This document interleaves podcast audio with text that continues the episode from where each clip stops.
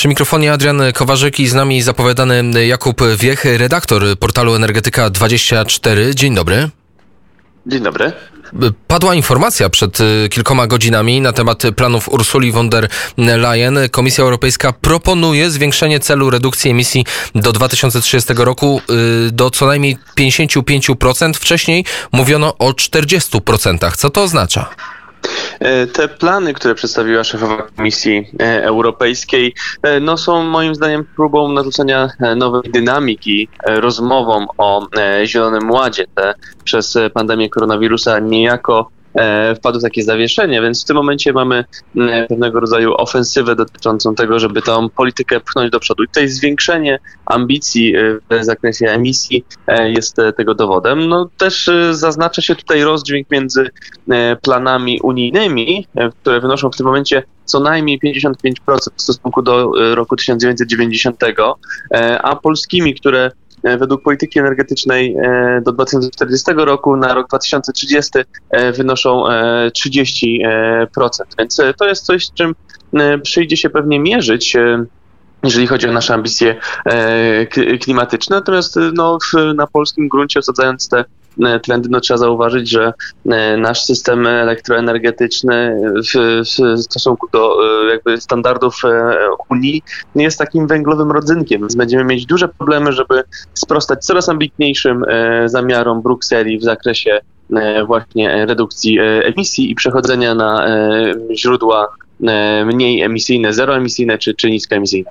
No właśnie, niektóre polskie firmy, w tym Orlen ostatnio zapowiedział zeroemisyjność już w perspektywie najbliższych 20, o ile się nie mylę, lat. No ale Orlen też jest pewnego rodzaju rodzynkiem. A jak sobie z tym poradzą inne firmy w takim razie? No, jest to bez wątpienia duże wyzwanie, przede wszystkim dla firm e, elektroenergetycznych, które będą musiały z jednej strony e, wygaszać, e, ograniczać pracę aktywów węglowych, a z drugiej strony będą musiały stawiać potężne parki jednostek wytwórczych w źródłach odnawialnych, żeby, żeby zapewnić podaż energii, no i bilansować te pracujące w sposób niekontrolowalny moce, na przykład paliwem gazowym, czy wchodzić wchodzić w wodór, ewentualnie e, w, tak jak to przewiduje polityka energetyczna Polski, budować energetykę e, jądrową. Natomiast e, no jest to bez wątpienia bardzo forsowna transformacja.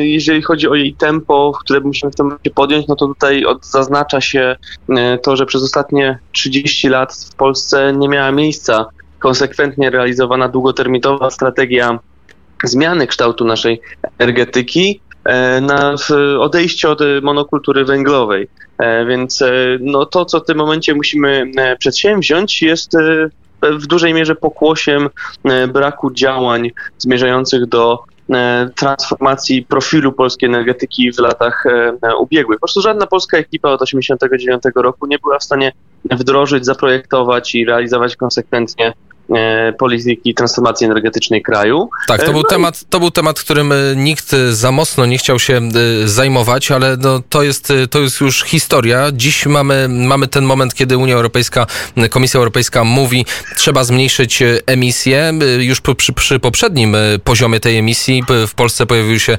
strajki i ostrzeżenia od strony górników. W takim razie jak Polska będzie mogła podołać tym jeszcze bardziej wyśrubowanym normom?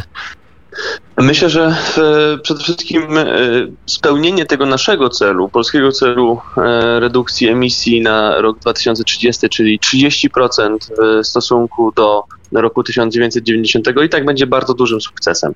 Bo to będzie oznaczało, że realizowaliśmy konsekwentnie przez najbliższą dekadę, czyli przez względnie krótki czas, jeżeli spojrzymy na to, jakimi jednostkami czasu mierzy się w upływ e, w energetyce pewnych okresów. E, więc no to przez ten krótki czas będziemy musieli wdrożyć naprawdę forsowne zabiegi zmierzające z jednej strony do właśnie odejścia od węgla i rozbudowy e, parku e, jednostek nisko lub zeroemisyjnych. E, to jest trudne technologicznie, bo my musimy w tym wszystkim zapewnić bezpieczeństwo energetyczne kraju, musimy zapewnić podaż energii odpowiednie ceny, tak żeby zachować konkurencyjność gospodarki.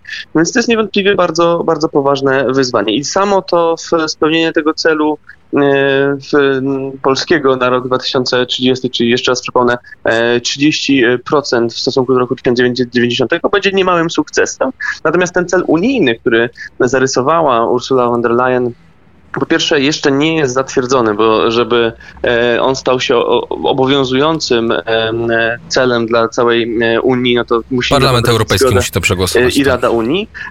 Natomiast w tym momencie no, jest to pewnego rodzaju wskazanie celu i, i w, dla nas jest to tylko sygnał, że polityka w zakresie nowego Zielonego Europejskiego Ładu będzie e, jeszcze ambitniejsza niż e, myśleliśmy, że, że będzie. No tak, schodzenie z wykorzystania węgla to jest jeden ze, ze sposobów odchodzenia od wysokiej emisji CO2. Ostatnio Ministerstwo Klimatu przeprowadziło badanie. 57% Polaków uważa, że budowa elektrowni jądrowej w Polsce jest potrzebna, więc zgoda, zgoda mieszkańców, zgoda Polaków jest. Od lat mówi się o tej elektrowni atomowej, mitycznej elektrowni atomowej, która miałaby powstać w Polsce. Ona mogłaby nieco pomóc y, tym planom, ale na pewno nie do 2030 roku, chyba że możliwe jest jej wybudowanie w ciągu 10 lat.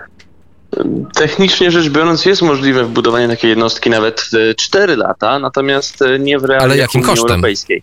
E, przede wszystkim nie w realiach, nie w realiach Unii Europejskiej, chodzi tutaj głównie o uwarunkowania legislacyjne, o kwestie prawne, zapewnienia bezpieczeństwa. Chińczycy w tym zakresie są rekordzistami oni potrafili postawić elektrownię jądrową w 4 lata. To jest rekord świata. Natomiast jeżeli chodzi o nasze już polskie warunki, to elektrownia jądrowa, którą przewiduje E, Ministerstwo Klimatu w swojej polityce energetycznej ma powstać za 13 lat. Dopiero w 2033 pierwsze bloki jądrowe wejdą do naszego miksu.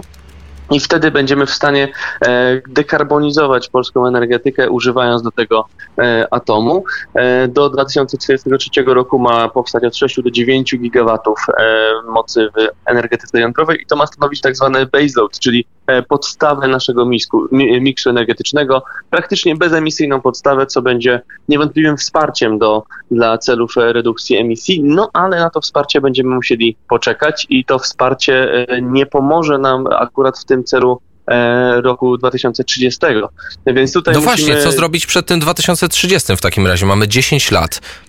Przede wszystkim chodzi tu o rozbudowę e, parku jednostek e, wytwórczych w źródłach odnawialnych. Tutaj na czoło wysuwa się offshore i duże farmy wiatrowe na morzu, które zapowiedziało i zapowiada cały czas Ministerstwo Aktywów Państwowych oraz niektóre spółki, m.in. PGE oraz e, Orlen. E, I faktycznie Bałtyk tutaj się wysuwa na czoło, jeżeli chodzi o e, możliwość zapewnienia mocy do dekarbonizacji i cięcia emisji. Natomiast nie, warto, nie, nie wolno też zapomnieć o fotowoltaice, która w tym momencie w Polsce przeżywa swoisty boom i już mamy ponad 2 gigawaty mocy zainstalowanych w panelach fotowoltaicznych. To na pewno też będzie przekładało się na pewne możliwości e, redukcji e, emisji. No ale rząd też prowadzi pracę nad zmianą tak zwanej ustawy odległościowej, czyli prawa, które określa odległość między turbinami wiatrowymi a zabudowaniami mieszkalnymi i być może poluzowanie tych przepisów, a takim kierunku zmierzają prace, odblokuje rozwój energetyki wiatrowej na lądzie i to też przełoży się na możliwości E, dodatkowe w zakresie e, redukcji e, produkcji dwutlenku węgla z polskiej energetyki. To oczywiście też w tej warto brać pod uwagę, że musimy patrzeć na takie sektory jak transport. To też jest pewne wyzwanie, zwłaszcza jeżeli spojrzymy na to, jak inne europejskie gospodarki radzą sobie, radzą sobie z cięciem emisji z transportu. Tam ten sektor jest bardzo dużym problemem i pomimo istotnych nakładów na przykład na rozwój elektromobilności, wiele krajów nie potrafi sobie poradzić z e, rosnącymi emisjami z przemysłu. Także wyzwań jest bardzo dużo, no a czasu jest bardzo mało. Wróćmy jeszcze do tych odnawialnych źródeł energii, bo wiatr nie zawsze wieje, słońce nie zawsze świeci, nawet jeżeli to największym chyba wyzwaniem dla odnawialnych źródeł energii jest jej magazynowanie, aby nie musi, abyśmy nie musieli kupować jej z zewnątrz. A jak wygląda kwestia budowy takich magazynów energetycznych, bo od lat się o tym mówi? tak naprawdę magazyny energii w tej formie, której potrzeba, żeby ustabilizować system oparty w, przede wszystkim na źródłach energii jeszcze nie istnieją. Obecnie używane instalacje tego typu są, mają zbyt małą pojemność, żeby zagwarantować funkcjonowanie E, systemu dla takiej dużej gospodarki jak e, Polska. Więc tutaj w grę wchodzi stabilizowanie tych źródeł czymś innym, na przykład gazem. E, I to paliwo jest wskazywane przez polski rząd i przez polskie spółki jako surowiec, który będzie takim paliwem przejściowym. I chodzi tutaj nie tylko o ten standardowy gaz ziemny, ale także biometan. I o tym bardzo dużo mówi Polskie Górnictwo Naftowe i Gazownictwo które przewiduje produkcję e, kilku miliardów metrów sześciennych biometanu na przestrzeni do roku 2030.